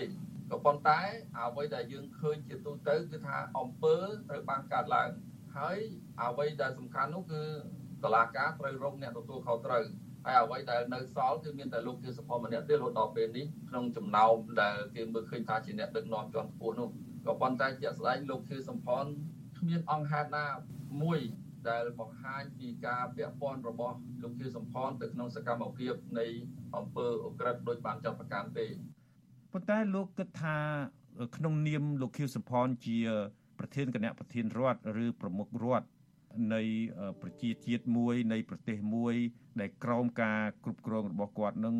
នៅក្នុងរបបនឹងមានអំពើសម្លាប់មនុស្សយ៉ាងរង្គាល មានការបង្អត់បាយមានឧក្រិដ្ឋកម្មផ្សេងផ្សេងជាច្រើនហ្នឹងលោកគិតថាលោកខៀវសុផនអត់ត្រូវទទួលខុសត្រូវអីទេយើងត្រូវយល់ថាក្នុងសម័យនោះវាជារបបផ្ដាច់ការហើយដឹកនាំមិនមែនដឹកនាំដោយប្រមុខរដ្ឋទេ គឺដឹកនាំដោយបក អញ្ចឹងអ្នកណាជាអ្នកនៅក្នុងខ្សែបកធំលោកខៀវសំផននៅឆ្ងាយណាស់បើនិយាយក្នុងជួរបកពីឆ្នាំ70ដល់75ពេលទទួលបានជ័យជំនះហ្នឹងលលោកជាសំផនក៏បានចូលរួមជាមួយនៅក្នុងក្រុមខ្មែរក្រហមប៉ុន្តែលោកគ្រាន់តែជាសមាជិកមជ្ឈិមម្នាក់ត្រៀមមិនទាន់បានពេញសិទ្ធិផងអញ្ចឹងក្នុងសមាជិកមជ្ឈិមនោះមានច្រើនអ្នកហើយមិនមែនជាសមាជិកអចិន្ត្រៃយ៍ទេ ហើយនយោបាយគោលនយោបាយដែលដឹកនាំដោយបកកុម្មុយនីសកម្ពុជាសម័យនោះគឺដឹកនាំដោយគណៈកម្មការអចិន្ត្រៃយ៍មិនមែនដឹកនាំដោយមជ្ឈិមទេហើយមជ្ឈិមហ្នឹងមានគ្នាច្រើនហើយសកម្មភាពដែលបានប្រជុំនោះគឺតិចបំផុតហើយមិនបានចេញសេចក្តីសម្រេចអីទេមែនទែនសេចក្តីសម្រេចគោលនយោបាយចេញពីអចិន្ត្រៃយ៍ហើយយកទៅឲ្យផ្សព្វផ្សាយទៅមជ្ឈិមបកហ្នឹងគ្រាន់តែជាកន្លែងដូចជាថ្នាលពង្រៀន ឲ្យយល់ពីបន្តនយោបាយអញ្ចឹងបាទហើយលោកខៀវសំផនសម័យហ្នឹងគឺគាត់មិនបានទាំងជាសមាជិកមជ្ឈិមផងរហូតដល់ចុងក្រោយបំផុតហើយបានគាត់បានខ្លាយជាសមាជិកមជ្ឈិមហ្នឹងដោយសារអីដោយសារគាត់ត្រូវជំនួសតំណែងជាប្រមុខរដ្ឋរបស់សម្ដេចនរោត្តមសីហនុពេលដែលទ្រង់លាលែងពីប្រមុខរដ្ឋរបស់កម្ពុជាប្រជាធិបតេយ្យ តែទោះជាយ៉ាងណាក៏ដោយក្រោយពីលោកខៀវសុផនបានឡើងជំនួសសម្ដេចព្រះនរោត្តមសីហនុជាប្រមុខរដ្ឋនោះលោកខៀវសុផនគឺពេលនោះគឺមានតួនាទីហើយដូច្នេះរយៈពេលខ្លីឬវែងអីក៏គាត់មានតួនាទីមួយ គឺជាប្រធានគណៈប្រធានរដ្ឋដែលគេប្រើនៅក្នុងសម័យនោះដែលស្មើនឹងប្រមុខរដ្ឋហើយអញ្ចឹងសាលាក្តីនេះក៏បានប្រើបទចោទមួយហៅថាសហឧក្រិដ្ឋកម្មរួមបើទោះជា គាត់មិនបានធ្វើអ្វីដោយផ្ទាល់ដៃឬក៏មិនបានដឹងឲ្យបានទូលំទូលាយក៏ក្នុងពេលនោះគាត់ជាមេដឹកនាំរដ្ឋមួយដែរហើយអញ្ចឹងហើយបានជាសាលាក្តី បានប្រើប្រាស់បទចោទនឹងសហឧក្រិដ្ឋកម្មរួមនឹងនេះជាចំណុចគោលមួយ សំខាន់ដែលថ្នាក់ដឹកនាំប្រទេសមួយអត់មានផុសតាងអីដែលគាត់បានប្រឹងប្រែងដើម្បីទប់ស្កាត់កុំឲ្យបញ្ហា ការសម្លាប់ក្តី ការអត់អាហារក្តីគឺ ការបណ្ដេញពលរដ្ឋចេញពីទីក្រុងអីនឹងរហូតដល់មានការស្លាប់ច្រើនអីហ្នឹងគឺអត់មានសញ្ញាមួយនៃការដែលគាត់ប្រឹងប្រែងទប់ស្កាត់ណាអញ្ចឹងហើយបានជាសាលាក្តីនឹងបានប្រើប្រាស់បទចោទថាគាត់មានឈ្មោះនៅក្នុងការប្រព្រឹត្តសហឧក្រិដ្ឋកម្មរួមនេះតើលោកយល់ថាប៉ុណ្ណឹងស័កសមដែរទេបាទអឺអត់ទេពីព្រោះ ការប្រព្រឹត្តចូលរួមនៅក្នុងសហអក្រិតកម្មរួមវាតតែបង្ហាញពីការគ្រប់គ្រងនយោបាយដែលគាត់ដឹងថាអាហ្នឹងគឺនយោបាយអក្រិតប៉ុន្តែសំខាន់លោកធាសំផនអត់មានផុសតាងបញ្ជាក់ពីការពាក់ព័ន្ធរបស់គាត់នៅក្នុងការធ្វើសេចក្តីសម្រេចណាមួយទេអ្វីដែលតុលាការជឿនោះគឺពីវត្តមានរបស់លោកធាសំផននៅក្នុងពេលប្រជុំរបស់ប្រចាំឬក៏អចិន្ត្រៃយ៍ចឹងបាទក៏ប៉ុន្តែ គ្មានផុសតាងណាដែលបញ្ជាក់ថាលោកធាសំផនបានបញ្ចេញយោបល់ឬក៏ធ្វើសេចក្តីសម្រេចទៅលើលទ្ធផលនៃការប្រជុំនឹងណាមួយទេអត់មានទេបាទគ្រាន់តែមានវត្តមាននឹងប្រជុំហើយអ្វីដែលជាផុសតាងបញ្ជាក់ពីការចូលរួមរបស់លោកធាសំផននឹងវាជាការហៅឲ្យចូលប្រជុំក្រៅផ្លូវការទេគ្រាន់តែគេចង់ឲ្យលោកធាសំផននឹងដឹងពីអ្វីដែលកើតឡើងដើម្បីឲ្យគាត់នឹងអាច ជួបនិយាយជាមួយនឹងភ្ញៀវបរទេសអីជាដើមដើម្បីគាត់ដូចថាប្រាប់តម្រឹងគាត់ប៉ុន្តែគាត់អត់មានសិទ្ធិនៅក្នុងការធ្វើសេចក្តីសម្រេចប្រជុំផ្ដល់យោបល់ថាត្រូវធ្វើម៉េចឬមិនធ្វើម៉េចឬក៏បោះឆ្នោតអីនៅក្នុងនោះគឺអត់មានទេពីព្រោះអីពីព្រោះលោកខៀវសំផនមិនមែនជាសមាជិកអចិន្ត្រៃយ៍រហូតមកដល់ចុងបញ្ចប់ហ្នឹងក៏គាត់មិនមែនជាសមាជិកអចិន្ត្រៃយ៍ដែរប៉ុន្តែលោកលោកមេធាវីសំអនដោយខ្ញុំបានលើកឡើងអំបញ្ញមិញហ្នឹងបើទោះបីជាគាត់ មិនបានចូលរួមក្នុងសកម្មភាពអ ுக ្រិតកម្មណាមួយជាក់ស្ដែងអីក៏ដោយក៏ប៉ុន្តែអ ுக ្រិតកម្មនឹងកើតឡើងច្រើនណាស់ហើយគេរកផុសតាងមិនឃើញថាលោកខៀវសំផនមានសកម្មភាពអីមួយដើម្បីជំទាស់ជាលីលាអសរជាផុសតាងឬក៏មានអ្នកណាជាសាកសីលើកឡើងទី2ជាក់ស្ដែងលោកខៀវសំផនអត់បានលាលែងទេខណៈបញ្ហាជាច្រើនអ ுக ្រិតកម្មកំពុងកើតច្រើនក្នុងសម័យនោះ ប៉ុន្តែគាត់អត់ឃើញបង្ហាញការទទួលខុសត្រូវរបស់គាត់ដូចជាការលាលែងចេញអីជាដើមនេះដែលអាចជួយគាត់ឲ្យរួចផុតពីការចោទប្រកាន់នេះតើលោកឆ្លើយយ៉ាងម៉េចទៅបាទរឿងរឿងរ៉ាវរបស់គាត់ផ្ទាល់គឺគាត់អត់ដឹងក្នុងសម័យហ្នឹងគឺថាការងារអ្នកណាអ្នកនោះដឹងគេថាអ្នកណាធ្វើអ្នកនឹងទទួលខុសត្រូវណាអញ្ចឹងនៅក្នុងការគ្រប់គ្រងរបស់កម្ពុជាប្រជាធិបតេយ្យវាមិនមែនជាលក្ខណៈមួយ ទូទៅទេវាមានលក្ខណៈដោយឡែកអញ្ចឹងបើថាការងារគេគេដឹងចឹងគាត់អត់ដឹងផងហើយគាត់ទៅធ្វើម៉េចបើសិនជាគាត់ដឹងខ្ញុំជឿថាគាត់អាចចេញនៅសេចក្តីថ្លែងការណ៍ណាមួយដើម្បីទប់ស្កាត់ឬក៏ដើម្បីប្រឆាំងទៅនឹងសកម្មភាពរបស់ហ្នឹងហើយប៉ុន្តែបើគាត់ដឹងឲ្យគាត់ធ្វើមិនក៏ប៉ុន្តែអ្វីដែលតឡាការមួយគឺនេះគឺថាដោយសារតែទូនីតិរបស់គាត់នឹងវាធំតែជាប្រមុខរដ្ឋហើយគាត់ត្រូវទទួលខុសត្រូវក៏ប៉ុន្តែគេអត់បានគិតថាការដឹកនាំរបស់ កម្ពុជាប្រជាធិបតេយ្យសម័យនោះគឺដឹកនាំដោយបកនៅក្នុងគោលការណ៍ច្បាប់លោកដឹងស្រាប់ហើយលោកជាមេធាវីបើសិនជាគាត់មិនបានចូលរួមក្តីប្រសិនបើគាត់មិនបានបញ្ជាក្តីប៉ុន្តែដោយសារស្ថានភាពនៅពេលនោះគេដឹងទូលំទូលាយទូទៅដូច្នេះបុគ្គលម្នាក់ដែលជាថ្នាក់ដឹកនាំគួរតែបានដឹងថាអំពើអីមួយមិនត្រឹមត្រូវកើតឡើងដូច្នេះគោលការណ៍ច្បាប់ថាគួរតែបានដឹង តើលោកឆ្លើយយ៉ាងម៉េចដែរចំពោះលោកខៀវសំផននោះបាទវាមិនចឹងទាំងស្រុងទេការពិតក្នុងរឿងព្រមត្តនគេនិយាយអំពីការទទួលខុសត្រូវជាលក្ខណៈបុគ្គលបានន័យថាបុគ្គលណាប្រព្រឹត្តបុគ្គលនឹងទទួលខុសត្រូវហើយរឿងព្រមត្តនអាហ្នឹងជាជារួមន័យជារួមក្នុងករណីថាគាត់គួរតែដឹងគាត់គួរតែដឹងតាមការសន្និដ្ឋានណាបាទវាមិនវាអាចថាគាត់គាត់គួរតែដឹងក៏ប៉ុន្តែ វាមិនមែនមានន័យថាគាត់អាចទ្រង់ញៀនដឹងគ្រប់យ៉ាងទេដោយសារអីដោយសារតែការដឹងឬមិនដឹងវាតលតែមានការផ្សព្វផ្សាយជាសាធារណៈនៅក្នុងកម្រិតណាមួយហើយគាត់នៅតែមិនដឹងទៀតហើយបានអាចចាត់ទុកឲ្យគាត់ត្រូវតែដឹងបានក៏ប៉ុន្តែសម័យនោះគឺប្រព័ន្ធព័ត៌មានសាធារណៈវាអត់មានទេវាអត់មានផ្សាយពីរឿងកាប់សម្លាប់អីអញ្ចឹងអញ្ចឹងទេអញ្ចឹងវាអត់មានតម្រូវឲ្យគាត់ត្រូវទទួលខុសត្រូវថាគាត់ត្រូវតែដឹង បាទចំណុចដែលខ្ញុំលើកឡើងអំបញ្ញមិញនេះគឺវាតកតងទៅនឹងគោលការណ៍ខ្សែរយៈនៃការបញ្ជាថ្នាក់ក្រោមដល់ថ្នាក់លើហ្នឹងបើទោះបីជាមិនមានសារព័ត៌មានផ្សព្វផ្សាយដោយសម័យបច្ចុប្បន្នក៏ដោយក៏មានការដឹកនាំតាមរយៈថ្នាក់ដឹកនាំពីថ្នាក់ក្រោមដល់ថ្នាក់លើដែរតើលោកយល់យ៉ាងម៉េចដែរអញ្ចឹងបាទ អាហ្នឹងខ្ញុំទទួលស្គាល់បើសិនជាលោកជាសំផនស្ថិតនៅក្នុងកម្រិតនៃឋានៈជាមេបញ្ជាការជាអ្នកបញ្ជាអ្នកចេញបញ្ជាក៏ប៉ុន្តែលោកជាសំផនអត់មានស្ថិតនៅក្នុងសង្វាក់នៃការបញ្ជានោះទេដោយសារអីក្នុងឋានៈជាប្រធានគណៈប្រធានរដ្ឋរបស់គាត់គឺគាត់មានអនុប្រធាននិងមានដោយជំនួយការម្នាក់អញ្ចឹងគឺគ្នាគាត់ថាជា3នាក់មានសមាជិកម្នាក់អនុប្រធានមួយហើយនឹងគាត់ហើយទី2យើងឃើញថាក្នុងសម័យកម្ពុជាប្រជាធិបតេយ្យហ្នឹង គាត់អត់មានការិយាល័យអីច្បាស់លាស់អត់មានអីដូចយើងឥឡូវមានខុទ្ទកាល័យមានអីខុទ្ទកាល័យនាយករដ្ឋមន្ត្រីឬខុទ្ទកាល័យព្រះបរមរាជវាំងអីចឹងនៅសម័យនោះវាអត់មានអញ្ចឹងគាត់អត់មានទៅប្រើអ្នកណាទៅបញ្ជាអ្នកណាឲ្យធ្វើអីធ្វើអីកើតទេអត់មានអញ្ចឹងឲ្យគាត់ទទួលខុសត្រូវក្នុងកម្រិតជាលក្ខណៈបញ្ជាហ្នឹងក៏អត់បានដែរពីព្រោះវាអត់មានការិយាល័យពិតប្រាកដគាត់គ្រាន់តែគេតែងតាំងឲ្យមានឋានៈហ្នឹងប៉ុន្តែការងារគឺអត់មានទេ រឿងហ្នឹងគឺដឹងជាទូទៅ ទាំងនៅក្នុងស្រុកទាំងឆាកអន្តរជាតិថាលោកគឺសំផនគឺជាគ្រាន់តែជាមេដឹកនាំតែសមោលអត់មានអំណាចពិតប្រាកដអាហ្នឹងអ្នកណាក៏គេដឹងដែរនៅក្នុងសាលាក្តីខ្មែរក្រហមពេលជំនុំជម្រះលោកខៀវសំផននឹងមានសាកសីមកគ្រប់គ្រងលោកខៀវសំផនទេថាលោកខៀវសំផននឹងជាមនុស្សមិនបានប្រព្រឹត្តដោយការចោទប្រកាន់នឹងអីទេ ពាក់ទងទៅនឹងសាកសីដែលឆ្លើយបញ្ជាក់ពីភាពមិនមានទោសរបស់លោកខៀវសំផនឬក៏យើងហៅថាសាកសីដោះបន្ទុកឃើញថាមានច្រើនអ្នកដែលមកឆ្លើយនៅចំពោះមុខអង្គជំនុំជម្រះហ្នឹងហើយយើងអាចបញ្ជាក់ថាគ្មានសាកសីណាមួយដែលបានឆ្លើយបញ្ជាក់ថាលោកខៀវសំផនជាប់ពាក់ព័ន្ធទៅនឹងអង្គើខូខើណាមួយទេ ឃើញសាកសីដែលជាពិសេសសាកសីដែលបញ្ជាក់អំពីអត្តចរិតរបស់លោកខៀវសំផនជាមនុស្សស្លូតត្រង់ជាមនុស្សល្អជាមនុស្សស្រឡាញ់ប្រជាពលរដ្ឋនោះយើងឃើញថាមានសាកសីច្រើនដែលមកឆ្លើយច្រើននោះប្រហែលប្រហែលអ្នកលោកមេធាវីទុំប្រហែល20អ្នកបាទហើយពួកគាត់មានប្រវត្តិយ៉ាងម៉េចដែរប្រវត្តិការងាររបស់ពួកគាត់មានប្រជាពលរដ្ឋសាមញ្ញរហូតដល់ជាមិត្តភ័ក្តិឬក៏ជាអ្នកស្រាវជ្រាវ ជាអ្នកសិក្សាជាបញ្ញវន្តអញ្ចឹងក៏មានដែរដែលមកឆ្លើយនៅពេលហ្នឹងយើងឃើញមានតាំងពីកងទ័ពក៏មានដែរដែលបញ្ជាក់ថាលោកជឿសំផនមិនមែនជា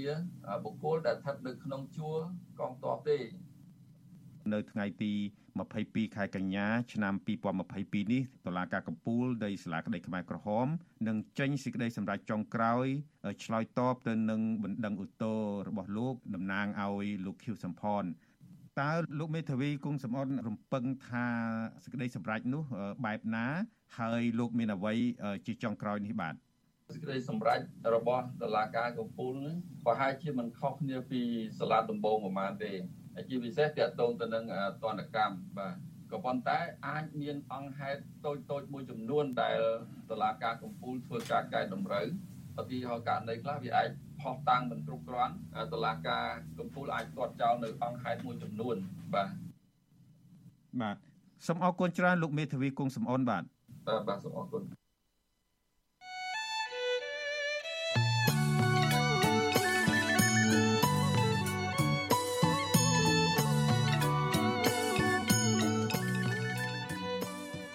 លោកនាងកញ្ញាប្រិយមិត្តជាទីមេត្រីចាដំណើរគ្នានឹងការផ្សាយផ្ទាល់តាមបណ្ដាញសង្គម Facebook និង YouTube នេះចាលោកនាងក៏អាចស្ដាប់ការផ្សាយរបស់ Vithu Azizi សេរីចាតាមរយៈវិទ្យុរលកធាតុអាកាសខ្លី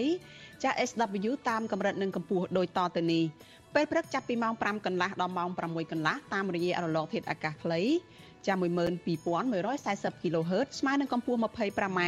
និង13715 kHz ស្មើនឹងកម្ពស់ 22m ចាប់ពេលយប់ចាប់ពីម៉ោង7កន្លះដល់ម៉ោង8កន្លះតាមរយៈរលកធាតុអាកាសខ្លីចាប់9960 kHz ស្មើនឹងកម្ពស់ 30m 12140 kHz ស្មើនឹងកម្ពស់ 25m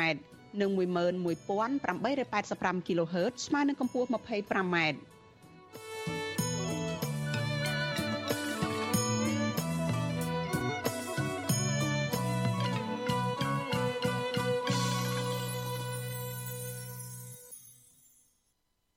លោកនាងកញ្ញាជាទីមេត្រីចាព័ត៌មានតកតងនឹងសកម្មជនគណៈបកប្រឆាំងដែលកំពុងតែជាប់ឃុំនៅឯពន្ធនាគារត្រពាំង plong ឯណោះចាក្រុមគ្រួសារបាននាំគ្នាទៅសួរសុខទុក្ខសកម្មជនគណៈបកប្រឆាំង10នាក់នៅពន្ធនាគារត្រពាំង plong ខេត្តត្បូងឃ្មុំដោយសាររដ្ឋាភិបាលមិនព្រមដោះលែងប្តីនិងឪពុកពួកគេឲ្យជួបជុំគ្រួសារនិងធ្វើបុណ្យនៅក្នុងឱកាសបុណ្យភ្ជុំបិណ្ឌនេះ ចាក្នុងឱកាសនេះដែរពួកគាត់បានរៀបរាប់ពីការឈឺចាប់ទុកសោកនិងការព្រាត់ប្រាសគ្នារាប់ឆ្នាំដោយសារតែការធ្វើទុកបុកម្នេញផ្នែកនយោបាយមន្ត្រីសង្គមស៊ីវិលយល់ថារដ្ឋាភិបាលគួរតែដោះស្រាយវិបត្តិនយោបាយនិងដោះលែងសកម្មជនទាំងនោះដើម្បីឲ្យពួកគេបានជួបជុំគ្រួសារឡើងវិញចាប់ប្រពន្ធនិងកូនរបស់សកម្មជនគណៈបកប្រឆាំងដែលកំពុងជាប់ឃុំនៅពន្ធនាគារប្រមាណ10នាក់បានធ្វើដំណើរពីតាមបណ្ដាខេត្តនានា ទៅជួបគ្នា ដើម្បីសួរសុខទុក្ខនិងយកម្ហូបអាហារឆ្ងាញ់ឆ្ងាញ់ជូនសមាជិកគ្រួសាររបស់ពួកគេនៅពន្ធនាគារត្រពាំង plong ក្នុងឱកាសបុណ្យភ្ជុំបិណ្ឌឆ្នាំនេះចាស់គឺនៅល្ងាចថ្ងៃទី18ខែកញ្ញានេះប៉ុន្តែឆ្មាំពន្ធនាគារមិនបានអនុញ្ញាតឲ្យសាច់ញាតិមិត្តភ័ក្តិចូលជួបអ្នកជួបឃុំឡាអ្នកជាប់ឃុំឡើយពួកគេលើកឡើងថា ពលរដ្ឋខ្មែរទូទាំងប្រទេសកំពុងតែជួបជុំគ្រួសារធ្វើបុណ្យតាមវត្តអារាមសប្បាយរីករាយតែក្រុមគ្រួសាររបស់អ្នកជាប់ឃុំនយោបាយវិញកំពុងរងទុក្ខសោកដោយសារតែអំពើអយុត្តិធម៌ក្នុងសង្គមប្រពន្ធរបស់សកម្មជនរបស់ប្រពន្ធរបស់មន្ត្រីគណៈបកសង្គ្រោះជាតិដែលកំពុងជាប់ឃុំលោកយឹមសារ៉េតគឺលោកស្រីអុកចន្ទធីប្រាប់បេតស៊ូអាស៊ីសេរីនៅល្ងាចថ្ងៃទី18ខែសីហាថាខែកញ្ញាថា ក្រោយពីចេញជួបប្តីលោកស្រី ចាស់គឺនៅក្រៅពេលដែលលោកស្រីបានចេញពីជួបប្តីមកវិញថាពួកលោកស្រីបានរៃអង្គាសប្រាក់បន្តិចបន្តួចដើម្បីធ្វើម្ហូបនំចំណីនិងសម្ភារៈផ្សេងទៀតផ្ញើជូនអ្នកជាប់ឃុំនយោបាយនៅពន្ធនាគារត្រពាំង plong នៅថ្ងៃបិណ្ឌ8នេះលោកស្រីរៀបរាប់ថាគ្រួសារលោកស្រីឈឺចាប់ដែលមិនបានជួបជុំជាមួយនឹងប្រពន្ធកូននិងញាតិមិត្តនៅស្រុកកំណើតដើម្បីធ្វើបុណ្យនៅក្នុងឱកាសបុណ្យទានដោយក្រុមគ្រួសារពលរដ្ឋខ្មែរដទៃទៀត ដោយអាជ្ញាធរបានចាប់ប្តីរបស់លោកស្រីដាក់ពន្ធនាគារជាង2ឆ្នាំក្រោមហេតុផលនយោបាយលោកស្រីឲ្យដឹងថាសកម្មជននយោបាយនៅពន្ធនាគារត្រពាំង plong ស្នើយ៉ាងទទូចដល់អាជ្ញាធរពន្ធនាគារឲ្យផ្ទេរពួកគាត់ត្រឡប់ទៅពន្ធនាគារព្រៃសរវិញវាដូចជា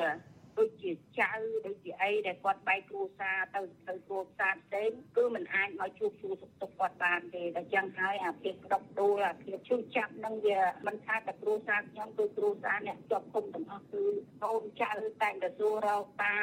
កូនមួយជួបជុំមកសួរតាមកហើយសុខទុក្ខគាត់យ៉ាងម៉េចចង់ទៅជួបគាត់មានឱកាសជួបអញ្ចឹងគឺអាចក្តីសោកសង្រេងហ្នឹងគឺឈឺចាប់រោគអាពាក្យខ្លែងអត់ចេញ ចាស្រដៀងគ្នានេះដែរប្រពន្ធមន្ត្រីគណៈបកប្រឆាំងម្នាក់ទៀតលោកកៅថៃចាគឺលោកស្រីសំចិន្តាថ្លែងថាប្តីរបស់ថ្លែងថាលោកស្រីបានធ្វើដំណើរពីខេត្តកំពង់ឆ្នាំងរយៈពេល2ថ្ងៃ និងចំណាយខ្សែហុយជាច្រើន ដើម្បីទៅជួបប្តីនៅព្រំទីគារត្រពាំង plong ដែលស្ថិតនៅជាប់ព្រំដែនវៀតណាម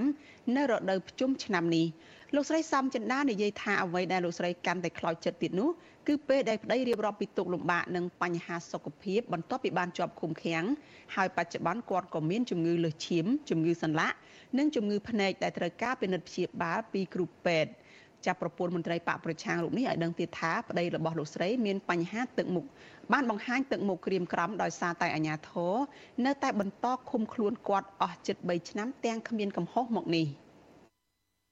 អនុយអធមណាស់អាណិតប្តីណាព្រោះដោយសារអត់បានជួបប្រពន្ធអត់បានជួបកូនព្រោះគេទៅវត្តគ្រប់គ្នាចំណែកក្រុមគ្រួសារខាងពួកខ្ញុំនេះគឺ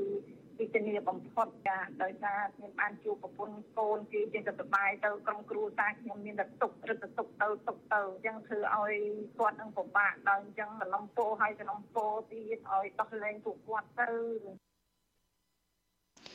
ចាវិទ្យុអាស៊ីសេរីនៅមិនទាន់អាចតកតងប្រធានអង្គភិបអ្នកនាំពាក្យរដ្ឋាភិបាលលោកផៃសិផានដើម្បីសូមបញ្ជាក់ជុំវិញរឿងនេះបានទេនៅថ្ងៃទី18ខែកញ្ញានេះ ចាអគ្គនាយកដ្ឋានពន្ធនាគារកាលពីថ្ងៃទី21ខែសីហាបានផ្ទេរសកម្មជនគណៈបកសង្គ្រោះជាតិសរុប14នាក់ទៅពន្ធនាគារត្រពាំង plong ខេត្តត្បូងឃ្មុំជាប់ព្រំដែនប្រទេសវៀតណាមសកម្មជនគណៈបកប្រឆាំងទាំងនោះរួមមានលោកសុនធុនលោកយឹមសារ៉េតលោកទុំប៊ុនថនលោកពៀតម៉ាត់លោកគង់សំអាន លោកថៃគុន្ធា លោកសុកចន្ទថា លោកខឹមភៀណា និងសកម្មជនគណៈបកប្រឆាំងមួយចំនួនទៀត ប៉ុន្តែក្រុមគ្រួសារនិងមេធាវីការពារក្តីស្នើដល់អគ្គនាយកដ្ឋានពន្ធនាគារនៃក្រសួងមហាផ្ទៃឲ្យបញ្ជូនពួកគេទៅពីពន្ធនាគារត្រពាំង plong ឲ្យត្រឡប់ទៅពន្ធនាគារព្រៃសរវិញចាអ្នកនាំពាក្យអគ្គនាយកដ្ឋានពន្ធនាគារនៃក្រសួងមហាផ្ទៃលោកនុតសាវណ្ណាប្រាប់វិទ្យុអាស៊ីសេរីថាមន្ត្រីជំនាញខាងលោក កំពុងពិនិត្យមើលជំវិញសំណើរបស់ជនជាប់ឃុំទាំងនេះ ដែលស្នើសុំឲ្យផ្ទេរពីពន្ធនាគារត្រពាំង plong ទៅពន្ធនាគារព្រៃសរវិញដោយឡែកចំពោះករណីដែលលើកឡើងថាមន្ត្រីពន្ធនាគារត្រពាំង plong រដ្ឋបិទលើសាច់ញាតិនិងបងប្អូនរបស់សកម្មជនឬក៏អ្នកជាប់ឃុំមិនឲ្យចូលសួរសុខទុក្ខនោះលោកនឹងយកករណីនេះទៅពិនិត្យជាមួយនឹងមន្ត្រីនៅទីនោះ។មានការស្នើសុំសុំជួបចឹងទៅហើយស្មារតីនិកាយពិនិត្យមើលថាពិតជាមនុស្សដែលគាត់អះអាងហ្នឹងហើយគាត់ អត់មានលក្ខបង្ហាមគាត់អីទេអាហ្នឹងមិនបង្កបញ្ហាសន្តិសុខអីទេអាហ្នឹងធម្មតាយើងអនុញ្ញាតឲ្យចូលចាំមកដល់ពេលនេះមានសកម្មជនបកប្រឆាំងនិងអ្នករិះគន់រដ្ឋាភិបាលជាង60នាក់ទៀតកំពុងជាប់ឃុំក្នុងពន្ធនាគារដោយសារតែការអនុវត្តសិទ្ធិសេរីភាពរបស់ខ្លួនពួកគាត់ភ័យច្រើនត្រូវបានអាជ្ញាធរចាប់ខ្លួនជាបន្តបន្ទាប់កាលពីដើមឆ្នាំ2020ចាតុលាការបានចោទប្រកាន់ពួកគេដូចដូចគ្នាពីបទរួមគំនិតក្បត់ ញុះញង់ឲ្យយោធិនមិនស្ដាប់បង្គាប់ញុះញង់ឲ្យប្រព្រឹត្តបទឧក្រិដ្ឋជាអាតនិងញុះញង់ឲ្យមានភាពវឹកវរធ្ងន់ធ្ងរដល់សន្តិសុខសង្គមជាដើម។កាលពីថ្ងៃទី13ខែកញ្ញាសាលាឧទ្ធរភ្នំពេញសម្រាប់តម្កល់សាលក្រមផ្ដន់ទាទោសកម្មជនគណៈបកប្រឆាំង12នាក់ដែលឃុំខ្លួននៅពន្ធនាគារត្រពាំង plong ឲ្យជាប់ពន្ធនាគារចន្លោះពី5ឆ្នាំដដែលជុំវិញរឿងនេះអ្នកនាំពាក្យការសមាគមការពារសិទ្ធិមនុស្សអាត6លោកសឹងសែនករណាលើកឡើងថា ចាប់តាំងពីមានវិបត្តិនយោបាយកាលពីឆ្នាំ2017មកមានសកម្មជនគណៈបកប្រឆាំងមួយចំនួនបានរងអំពើហិង្សា និងអ្នកខ្លះទៀតត្រូវអាជ្ញាធរចាប់ដាក់ពន្ធនាគារចំណែកមួយចំនួនទៀតភៀសខ្លួនចេញពីការធ្វើទុកបុកម្នេញជាបន្តបន្ទាប់ដែលធ្វើឲ្យពួកគេប្រត់ប្រាស់ពីគ្រួសារជាច្រើនឆ្នាំមកនេះលោកបញ្ជាក់ថាសង្គមស៊ីវិលនិងសហគមន៍អន្តរជាតិនៅតែចាត់ទុកករណីនេះថាគឺជាទាំងនេះ ថាមិនមែនជាការអនុវត្តច្បាប់នោះទេប៉ុន្តែគឺជាការធ្វើទុកបុកម្នេញផ្នែកនយោបាយដូច្នេះរដ្ឋាភិបាលគួរតែចាត់វិធានការដោះស្រាយវិបត្តិនយោបាយនិងទម្លាក់ចោលការចោទប្រកាន់និងដោះលែងពួកគាត់ឲ្យមានសិទ្ធិសេរីភាពឡើងវិញក្នុងការអនុវត្តសកម្មភាពនយោបាយស្របតាមគោលការណ៍ប្រជាធិបតេយ្យឡើងវិញ សម្រាប់យើងដែលជាសង្គមស៊ីវិលនេះយើងទទួលចង់ឲ្យមានលំហនៃលទ្ធិប្រជាធិបតេយ្យនឹងឲ្យមានការគោរពនៅសិទ្ធិរបស់អ្នកនយោបាយសកម្មជននយោបាយនឹងឲ្យមានភាពពេញលេញហើយមានការប្រកួតប្រជែងគ្នាដោយការបោះឆ្នោតប្រកបដោយភាពសេរីត្រឹមត្រូវនិងយុត្តិធម៌ហើយមានការស្គាល់ពីគ្រប់ភាគីពាក់ព័ន្ធទាំងសហគមន៍ជាតិនិងអន្តរជាតិជាដើម ចាស់ក្រុមគ្រួសារសកម្មជនគណៈបកប្រឆាំងថាបើទោះបីជាពួកគាត់ទទួលភាពសោកសៅនៅក្នុងចិត្តពីភាពអយុត្តិធម៌ក្នុងសង្គមនៅពេលនេះយ៉ាងណាក៏ដោយចាស់ក៏ពួកគាត់នៅតែរក្សាជំហររឹងមាំដដែលដើម្បីតស៊ូទាមទាររដ្ឋាភិបាលដោះលែងអ្នកជាប់ឃុំទាំងអស់ឲ្យមានសេរីភាពឡើងវិញដោយឥតលក្ខខណ្ឌ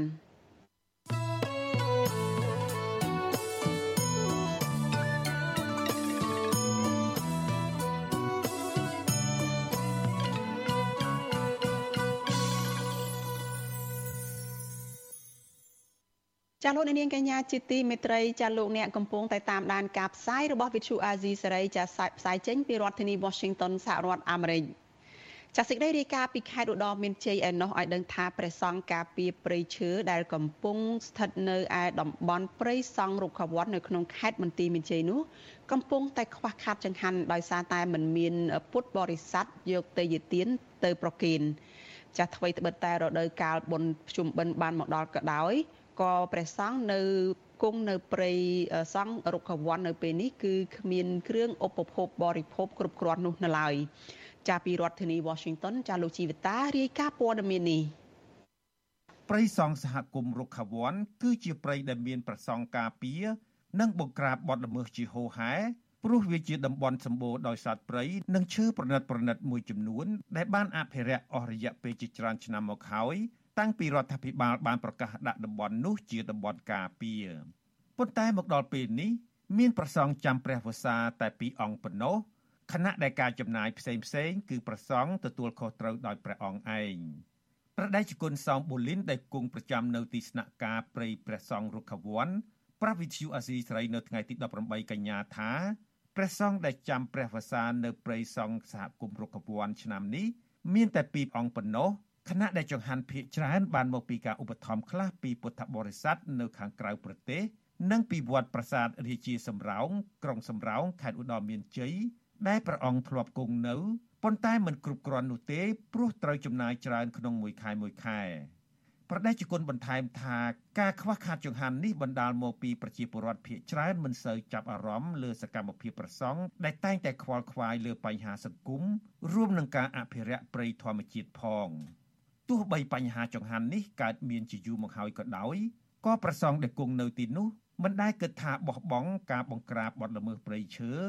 និងការចូលរួមអភិរក្សព្រៃសហគមន៍នេះឡើយរឿងចានឹងអញ្ញាធោអីមូលដ្ឋានគេបានផ្សព្វផ្សាយដែលមិនដឹងជាគេបានសហការអីយ៉ាងណាយ៉ាងណាអានឹងអាត្មាដឹងដែរប៉ុន្តែ ការដែលមានចង្ហាន់វិនជូននេះដូចជាការខ្សត់ខ្សោយនេះអាត្មាក៏ចេះតែខំតស៊ូព្រោះជាគេដំណើររបស់លោកគ្រូអតីតព្រះមិគុណខេតផងនិងជាជាសម្បត្តិរបស់សាធារណៈរបស់សាធារណៈផងអាត្មាក៏ខំតាំងចិត្តតាំងកាយទាំងគ្រប់ព្រះអង្គគ្រប់គ្នាដើម្បីតស៊ូជួយការពារដើម្បីឲ្យទុកឲ្យកូនចៅចំនួនក្រោយនឹងឲ្យបានដឹងបានឃើញឲ្យបានស្គាល់កុំឲ្យបាត់បង់ ដូចជាសត្វកម្រនិងព្រៃឈើទាំងនោះម្ល៉េះហើយអាត្មាក៏ចេះតស៊ូទៅការដែលនៅក្នុងប្រជាប្រដ្ឋនៅជុំវិញនេះក៏គ្មានធនធាននិងចេះដឹងទេព្រោះជាបើញ៉ៃចំទៅថាគ្នាមានការខ្វះខាតទៅបើមិនបានទៅធ្វើការទីណាក៏មានតែគ្នាស្វែងរកនៅក្នុងព្រៃនេះដើម្បីនឹងកាត់បន្ថយនៅជីវភាពរបស់ខ្លួនឬក៏ដើម្បីថានឹងចំពោះអង្គការណាមួយដែល ជប់ចម្ពាក់គេនឹងចេះតែដោះស្រាយទៅព្រោះគ្នាមានការខ្វះខាតផងអីផងអានឹងទៅតាមតម្រូវចិត្តរបស់មនុស្សចំណែកអតីតប្រសង់និងជាប្រធានព្រៃសង្ឃសហគមន៍រុក្ខវ័នគឺលោកគឺលោកបុត្រសាលួត បានឲ្យដឹងថាតាំងពីមានប្រសង់គង់នៅទីស្នាក់ការសហគមន៍សង្ឃរុក្ខវ័ននេះមកមិនដែលមានពុទ្ធបរិស័ទណាមួយរៀបចំចង្ហាន់ឬប្រគេននៅរដូវបុណ្យកាន់បិណ្ឌដោយបណ្ដាវត្តផ្សេងៗនោះទេ ដូច្នេះរាល់ចំណូលចំណាយទាំងអស់គឺពឹងទាំងស្រុងលើការឧបត្ថម្ភពីសំណាក់ពុទ្ធបរិស័ទដែលតែងតែគោរពស្រឡាញ់នៅរាល់សកម្មភាពការពារព្រៃឈើប៉ុណ្ណោះលោកបន្តថាកន្លងមកប្រសង់ដែលគង់នៅចាំវសានៅក្នុងព្រៃសង់រុក្ខវ័នគឺជាសកម្មភាពស្ម័គ្រចិត្តដោយសារតែប្រសង់ស្រឡាញ់ធម្មជាតិរួមនឹងការប្រឹងប្រែងពីសំណាក់ប្រជាពលរដ្ឋមូលដ្ឋាន ដើម្បីចុះល្បាតបទល្មើសព្រៃឈើมันជាថ្មីទេតែពេលនេះ ខ្ញុំមើលឃើញថាទោះបីខ្ញុំមិនដែលបានចូលលូមែនតែខ្ញុំមិនបានសោបានតោមែនតែខ្ញុំថាចំពោះលោកលោកថានៅសប្តាហ៍ថ្ងៃ12អង្គ3អង្គมันជាបញ្ហាប្រឈមទេរឿងហានតែពុទ្ធបរិស័ទគិតមិនដែលងាយទៅធ្វើបុណ្យលេនោះទេអង្គលពីខ្ញុំនៅផងគិតប្រកាន់គិតថាអឺខ្លះកាលពីគិតមិនទាន់យល់ទេណាក្មួយខ្ញុំចូលចិត្តញ៉ែត្រង់គិតថា បាក់ទៅអយលោកឆាន់អុយលោកការពីព្រៃឈើធ្វើអុយអឺនឹងកាលពីខ្ញុំតែខ្ញុំព្យាយាមរហូតពន្យល់គិតរហូតដល់គិតយល់បាទអានឹងរហូតជុំវិញរឿងនេះអភិបាលរងខេត្តឧត្តរមានជ័យលោកឌីរ៉ាដូប្រាប់វិទ្យុអាស៊ីសេរីនៅថ្ងៃទី18កញ្ញាថាអញ្ញាធរពពាន់តែងតែខ្វាយខ្វល់នៅពេលដែលចុះទៅទីស្នាក់ការព្រៃសងសហគមន៍រុក្ខវ័នដែលមានប្រសងគង់នៅ ហើយតែងតែយកអង្គនិងទៅយទានមួយចំនួន ទៅប្រគេនប្រសងជារឿយៗដែរទោះជាយ៉ាងណា លោកថាលោកចាំទទួលដំណឹងជាក់លាក់អំពីបញ្ហានេះសិនពាក់ព័ន្ធនឹងព័ត៌មាននេះខ្ញុំអត់ទាន់បានទទួលរបាយការណ៍នៅឡើយអញ្ចឹងណាប៉ុន្តែកន្លងមកខាងយើងខាងអាញាធរថាចុះទៅទីតាំងហ្នឹងណាប៉ុន្តែមិនដែលដឹងថាខាងប្រសល់ហ្នឹងខ្វះខាងចំហាន់នោះទេបាទអញ្ចឹងណា ហើយពេលរៀងរាល់ដែលអាញាធរឬខ្ញុំចុះទៅខ្ញុំតែងយកក៏យកអីទៅប្រកេនលោកអញ្ចឹងណាបាទបាទចំណែកអង្គការសង្គមស៊ីវិលនិងប្រសង់ដែលគង់នៅព្រៃសហគមន៍រុក្ខវ័នក៏អំពាវនាវឲ្យមានការចូលរួមពីពលរដ្ឋទាំងអស់ក្នុងការឧបត្ថម្ភប្រសង់និងប្រជាសហគមន៍ទៅតាមលទ្ធភាពដើម្បីជាការលើកទឹកចិត្តក្នុងការអភិរក្សធនធានធម្មជាតិដែលកំពុងតែរងការបាត់បង់ដោយសារតែបទល្មើសនៅតែបន្តកើតមាន ហើយការចូលរួមឧបត្ថម្ភពីសំណាក់សាធារណជននោះគឺជាការរួមចំណែកក្នុងការថែរក្សាព្រៃឈើទាំងអស់គ្នា កាលពីឆ្នាំ2018រដ្ឋាភិបាលកម្ពុជាបានសម្រេចរក្សាដីព្រៃជាង30000ហិកតានេះទុកជាដែនជម្រកសត្វព្រៃឬជាតំបន់ព្រៃការពារដែលមានឈ្មោះថាសង់រុក្ខវ័នដែនជម្រកសត្វព្រៃព្រៃសហគមន៍សង់រុក្ខវ័ននេះលាតសន្ធឹងក្នុងស្រុកចំនួន3 រួមមានស្រុកសំរោងស្រុកចុងកាល់និងស្រុកអន្លង់វែងខេត្តបន្ទាយមានជ័យខ្ញុំជីវិតាអាស៊ីសេរីចាលោកនាងកញ្ញាប្រិយមិត្តជាទីមេត្រីចាតេតតនឹងរឿងនេះចានាងខ្ញុំនឹងក្រុមការងាររបស់វិទ្យុអាស៊ីសេរីចាបានភ្ជាប់ទូរស័ព្ទទៅប្រដេកប្រគុណតោនពូលីនចាដែលព្រះអង្គជាព្រះសង្ឃកំពុងគង់នៅព្រៃសហគមន៍សង្ឃរុក្ខវ័នចាដើម្បី សាកសួរព្រះអង្គបន្ថែមពីពីស្ថានភាពនៅក្នុងពិធីបុណ្យភ្ជុំបិណ្ឌនៅឯព្រៃសង្ឃរុក្ខវ័នខ្ញុំបកករណាសូមក្រាបថ្វាយបង្គំប្រជាគុណពីចម្ងាយប្រជាជនជំរាបពលកណាប្រជាជនអឺបើស្ដាប់សម្ដីរបស់អតីតប្រធានសហគមន៍ព្រៃសង់រុក្ខវ័នហ្នឹងគឺប្រជាជនប៊ុនសលួតហ្នឹង លោកបានលើកឡើងថាមិនមែនជាលើកដំបូងទេដែលប្រសង់នៅឯព្រៃសហគមន៍សរុបកវ័ននឹងតែងខ្វះចង្ហាន់នេះគឺជាច្រើនឆ្នាំមកហើយតាំងពីព្រៃនេះសហគមន៍នេះបង្កើតមកម្លេះនៅពេលដែលប្រសង់និមន្តទៅគង់ការពារព្រៃហ្នឹងគឺតែងតែខ្វះចង្ហាន់ជានិច្ចមកទេហើយនោះក៏ដោយសារតែមិនមានពុទ្ធបរិស័ទនឹងផ្លាស់ប្ដូរវេនទៅប្រគេនចង្ហាន់ឬក៏ ដាក់បិណ្ឌដូចដែលមានពលរដ្ឋទូទៅកំពុងតែធ្វើនៅទូទាំងប្រទេសនេះទេតើរឿងរ៉ាវនឹងយ៉ាងម៉េចទៅប្រជាជនតើនៅតែបន្តទៀតមកដល់ពេលនេះដែលធ្វើឲ្យព្រះសង្ឃនៅឯព្រៃសហគមន៍នៅបន្តខ្វះចង្ហាន់ខ្វះទេយទានរហូតមកដល់ពេលនេះប្រជាជននៅជាងតាមកពិតក៏ទេយទាននៅទីមានការខ្វះខាតដូចចាស់ពីដើមដែលក៏ជួនកាលញាតិញោមមកអំពីឆ្ងាយឆ្ងាយទៅម្ដងម្ដងទៅក៏ យើងអាចផ្គត់ផ្គង់បានចំនួន1ខែឬកន្លះខែដែលជាងកាលញាតិញោមនៅសហរដ្ឋអាមេរិកក៏គាត់បានជួយចំនួន1ខែ1តោនដែលតែថ្ងៃនេះក៏គាត់លេងបានជាទៀតហើយដោយសារអ្វីទៀតហ្នឹងអាថ្មអត់បានទៅទេតែនៅក្នុងពេលនេះក៏នៅក្នុងរដូវចូលពេលវស្សានេះគឺស្ងាត់ឈឹងតែហ្មងអត់មានញាតិញោមណាមកដាក់វេនឬក៏ចូលមកដើម្បីប្រគិនប្រយទានដល់ប្រសងឬក៏ មកចូលទស្សនកិច្ចដើម្បីមើលព្រៃឈើទេញោមកណាមានប្រសងប្រមាណអង្គដែលកំពុងគង់នៅទីនោះដែរប្រជាជនណែពេលនេះនៅពីរអង្គដែលពីខោសាំនេះដែលនៅវត្តសំរងទៅដល់ពេលហ្នឹងក៏បានទៅធ្វើបន់ធ្វើទាននៅវត្តសំរងទៅរៀនផងតែតពេលនេះអាត្មានៅគង់នៅពីអង្គនឹងគណៈកម្មការនៅចំនួន6នាក់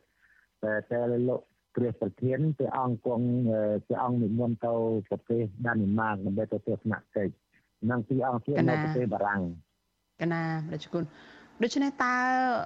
ប្រជាជនមានការមានធរដេកាអីយ៉ាងម៉េចតកតងទៅនឹងពិធីបុណ្យភ្ជុំបិណ្ឌកាន់បិណ្ឌនេះដើម្បីឲ្យព្រះសង្ឃហើយនឹងគណៈកម្មការដែលកំពុងតែការពារព្រៃដោយកិច្ចខិតខំប្រឹងប្រែងស្វាស្វែងអស់សមត្ថភាពក្នុងការការពារព្រៃប៉ុន្តែ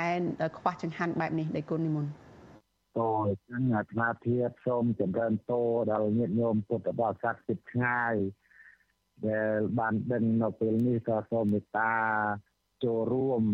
ប្រធានជាទីអាទានដីជាចិត្តបច្ច័យដើម្បីទ្រទ្រង់នៅក្នុងការពារនៅក្នុងក្នុងទ្រទ្រង់ក្នុងការពារប្រៃឈើនេះស្អីក៏សូមមេត្តាចូលរួមចូលមកទស្សនចូលមកទស្សនកិច្ចសិក្សាស្រាវជ្រាវឬក៏មានជាវេនជាអ្វីក៏បានដែរអាត្មាក៏គង់នៅទីនេះរហូតព្រោះពេលនេះក៏ ទទួលផែនការធ្ងន់ពីព្រះប្រធានជាពោះព្រះអង្គនិមន្តទៅខាងក្រៅចំនួន3អង្គក៏នៅសល់តែស្មានឹងគណៈកម្មការចំនួន6អង្គនេះនឹងហើយដូចជាអង្គត្រីដូចជាអង្គក្តី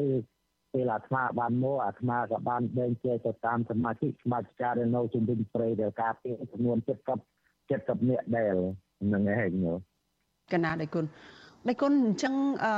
នៅពេលដែលមានពិធីបុណ្យភ្ជុំបិណ្ឌបែបនេះហើយនឹងព្រះសង្ឃនិងគណៈកម្មការនឹងមិនអាចចេញពីព្រៃបានទេមិនអាច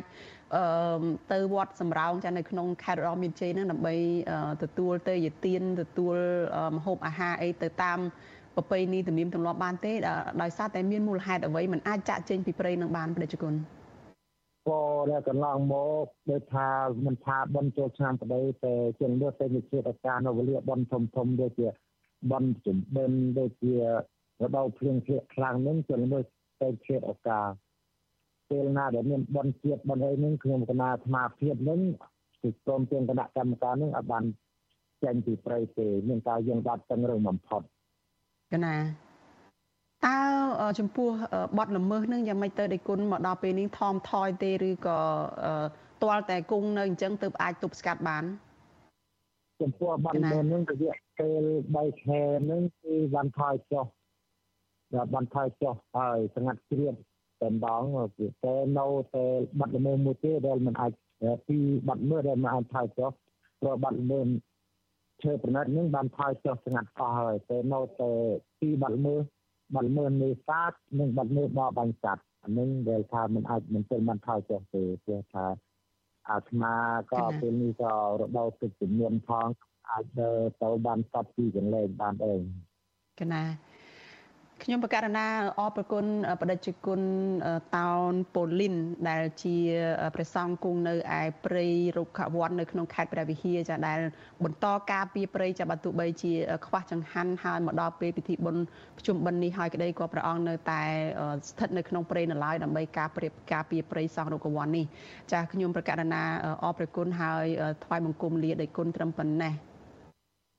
ក៏ពោសូមជំរាបសួរកណា